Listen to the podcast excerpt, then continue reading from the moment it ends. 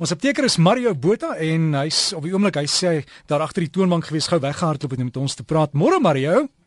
Hallo Derek, ons het van van van hier binne, hoor. Ja, maar jy sê dis bietjie stil vandag. Jy dis lang naweek. Mense raak mos nie siek lang naweek nie, né? Mm, glad nie. Hier van Woensdag, Donderdag af raak hulle siek en dan so oor die lang naweek is hulle bitter gesond en dan weer as hulle moet terugkom hier teen Maandag, Dinsdag raak hulle weer siek. So ons is seker weer teen Dinsdag besig raak. Ja, of of Maandag kom hulle net en sê dokter of apteker gee vir my iets wat my siek laat lyk.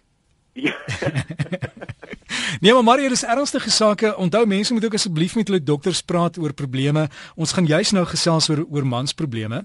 Uh wat is die algemeenste navraag wat jy kry in die apteek? Weet jy, Derek, baie van ons mans sukkel en en veral hier van bo 40 af sukkel hulle maar met kardiovaskulêre probleme en dan bedoel ek ek sluit 'n paar dinge in. Ek sluit hoë bloeddruk in en ek sluit cholesterol in en ek sluit hartprobleme in. En die grootste oorsaak hiervan by mans is hulle dieet, die alkoholverbruik wat hulle so gereeld doen en dan van hulle rook. En dit is die drie ewels wat dan gebeur. Hulle werk laat, kom by die huis, drink 'n wyntjie, rook 'n sigaretjie, oefen glad nie en mamma kook ongesonde kos en dan en dis 'n kringloop en dis 'n sneeubal effek. En dit is iets wat ons baie in die apteek sien. So hier van 40 af sien ons daai voorskrif van daai kroniese medikasies begin opneem en toeneem en dan baie keer is daar 'n man of twee wat besluit hierdie kan nie so aangaan nie en hulle keer regtig om en en verbeter dit en dan klim hulle self van hierdie medikasie af wat wonderlik is.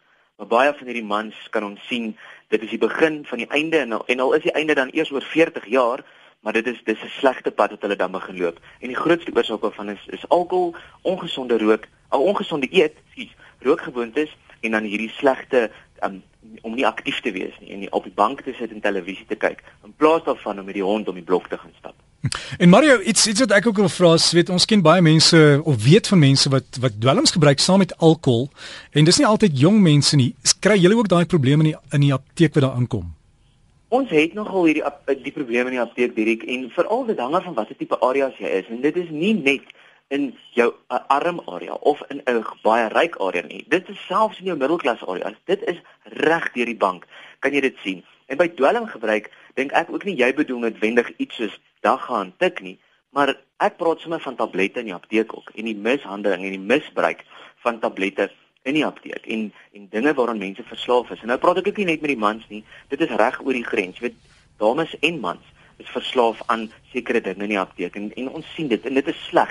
En weet jy wat, dit breek huisgesinne op en en dit is nogal hartseer om te sien wanneer so trend begin in die apteek en dan mense stel dit dadelik op. Mense kan sien waaraan is mense verslaaf, waaraan is die omgewing verslaaf en dit skep regtig 'n slegte insident en presedent en dan en dan kan jy sien hoe dit huisgesinne opskeer en dit is baie baie hartseer.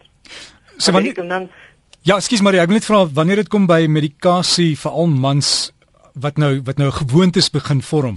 Wat vra hulle voor? Wat se medikasie hou hulle van?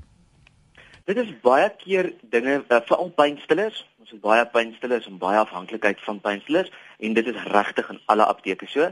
En dan sien ons baie keer skedule 5 middels is nogal 'n groot ding um waar verslawing plaasvind. So dis nie net oor die toonbank nie, maar ook dan skedule 5. En dan kry mens mense wat voorskrifte namaak en um afhanklik raak van 'n slaaptablet of iets om 'n kalmeermiddel en en daai verslawing van daai kalmeermiddel word dan al hoe erger. En ons kan dit sien aan die toeneem en hoe daardie pasiënte voorskrifte aanhoudend kry by verskillende dokters is skrikwekkend. So ons kan baie keer ingryp en die dokters sien en as ons sien hier's 'n herhaling van 'n klomp dokters se voorskrifte vir dieselfde pasiënt, dan skakel ons daardie dokters en ons tree ons in en sê hier is 'n probleem, asseblief let daarop en kyk wat hier aangaan baie keer sien ons 'n vervalste voorskrif en dan bel ons op daardie dokter en sê, "Maar hier is nou nogal iets wat ons sien, hier's 'n ritme en dan die pasiënt maak baie keer 'n spelfout bo op die voorskrif en dan kan ons sien hier is 'n fout." En as ons die dokter bel, dan is dit baie keer so dat hy sê, "Ja, 'n voorskrifboekie van my is gesteel uit die uit die spreekkamer uit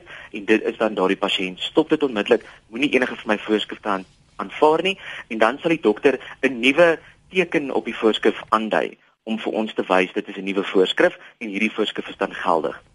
En Mario, baie interessant, ons kry hierdie goed in die afdeling. Ja, Mario, die voorskrifte, hulle het nie 'n volgnommer wat hy dan moet teruggaan nadat jy hom geprosesseer het na die dokter toe nie, né? Nee, daar is nogal nie so iets nie en dit is nogal iets wat ons na kan kyk in die toekoms, is om dit meer elektronies te maak. En elektroniese voorskrifte is wonderlik en ons dwaal nou eintlik lekker van die punt af, maar elektroniese voorskrifte is fantasties want nommer 1 ons dokters skryf mos nie altyd so mooi nie. So dit help om foute uit te skakel wanneer die medisyne geresepteer word. En nommer 2, help dit dan ook dat hierdie hierdie vervalsing van voorskrifte nie plaasvind nie. En dan nommer 3, kan ons dan hierdie ek wil nou die Engels gebruik want ons sê moet hierdie sequential nommers hê wat ons dan die voorskrifte kan op resepteer. En dit gaan dan 'n goeie goeie beheer bring in die apteek en dan aan verslawing van tipe goeders. Maar Derek, ek wil gou vinnig net oor 10 punte praat wat mans gesondheid nog beïnvloed. Ons het nou gepraat oor kardiovaskulêre probleme. Kanker is 'n groot oorsaak van dood en, ongesondheid by mans. Die rede van hierdie goeters, die meeste van hulle almal, is iets soos rook, nie gesonde dieet nie, mans wat nie aktief is nie, mans wat oorgewig is, mans wat nie gereeld gaan vir doktersondersoeke en veral prostaat en testikulêre ondersoeke. Ons is skaam daarvoor en ons wil nie by dokters uitkom om hierdie ondersoeke op ons te doen nie, maar dit is so belangrik dat ons by 'n dokter uitkom. Maar ja, iemand het nou die, van, iemand het nou die dag my gesê jy's met daai ondersoek. Ja, maar die dokter het koue hande. Ja, dit is nie 'n verskoning nie. Ons is mans genoeg dat ons na dokter toe kan gaan en kan sê ondersoek, dit is nogal belangrik. Nee, so daai is nie 'n verskoning nie, Derek, ons gaan dit glad nie aanvaar nie.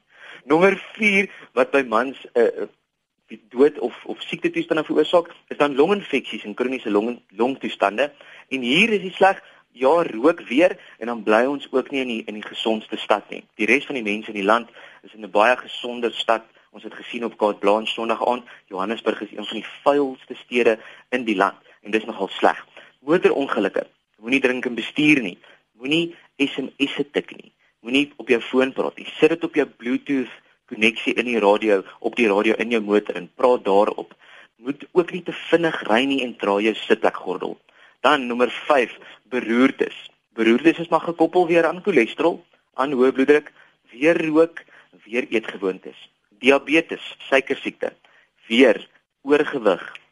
En dit veroorsaak weer iets soos oogprobleme, hartprobleme, senuweeskade. So gaan kontroleer jou diabetes. As jy dink, as jy hierdie kroniese dorsheid het of hierdie regtig hierdie ongesonde lewenstyl het en as jy oorgewig is, kan ek jou beloof dat daar die begin van 'n diabetes neig na jou kant toe. So gaan na apteek toe, gaan toets jou, jou cholesterol en gaan toets jou suiker en kyk wat daar aangaan. Dan depressie. Baie van ons mans val onder depressie en die rede daarvoor is spanning. Hierdie hoë spanning en hierdie hoë werkslading wat ons het, dis die groot rede vir depressie. Gemaak werk daarmee, kry hulp, praat met mense, gaan praat met jou predikant, moenie net stil bly nie. Dan die ander ding is nierprobleme is ook 'n oorsaak by mans wat baie keer voorkom. Nierprobleme as gevolg van hier kom ons alweer hoë bloeddruk, beheer jou suikersiekte, verlaag jou gewig, moenie rook nie en dan gaan doen gereeld urineanalises om te kyk of jy gesonde urine het en of daai niere van jou wonderlik werk. Dan iets waar ons baie skaam is, is erektiele probleme en erek, erektiele probleme veroorsaak ook baie huisgesin probleme en ons sien dit dit is nogal 'n storie en ons baie keer die vrouens wat in die apteek kom en sê ons het 'n probleem in die slaapkamer, ons kort hulp. So mans, wees mans genoeg, staan op en gaan sorteer julle onderstelsels uit. So kom by die dokter uit en maak werk daarvan. En in die 10de oorsaak van dood of siekte by mans is dan sirose van die lewer. En sirose is maar net littekenselle in die lewer en dit gebeur as gevolg van verhoogde alkoholgebruik. So dit ek so met die met die Vadersdag wat nou môre voorlê, wil ek sommer en ek dink ek en jy doen dit saam in ons Ons daag die mans van Suid-Afrika uit en al ons luisteraars om regtig te let op hulle gesondheid, om te gaan vir doktersondersoeke, om op te hou rook. Ek kan dit nie meer genoeg sê nie. Sigaretrook is die grootste oorsaak van dood by mans. So ja, kom ons daag hulle uit en ons gee laat mans vir hulle gesinne goeie Vadersdag geskenke hierdie Sondag gee. Dankie Mario, mense wat jy wil kontak, jy's op Facebook? Ek is op Facebook. Jy kan hom soek as apteker. As jy my nie kry nie, tik in Mario Botha apteker. Jy sal my daar kry. Jy kan my sommer Google as ons nou die Engels moet gebruik daarvoor. Jy sal my sien. Ek is beskikbaar en ek is daar. En as jy vir my 'n e e-pos wil stuur, kan jy vir my stuur aan mario.m.botha by gmail.com. So gesels ons met die apteker en onthou weer eens vra jou dokter, hy ken julle ook baie goed en dan kan hy vir jou raad gee. Apteker kan jou ook help. Gaan vra maar net daar. Dis mario.m.botha by gmail.com en op Facebook as jy hom nie kry onder apteker nie sit in Mario Botha apteker. Jy kan dit amper as een woord skryf. Dan sal jy hom kry en dan kan jy die raad daar gaan volg.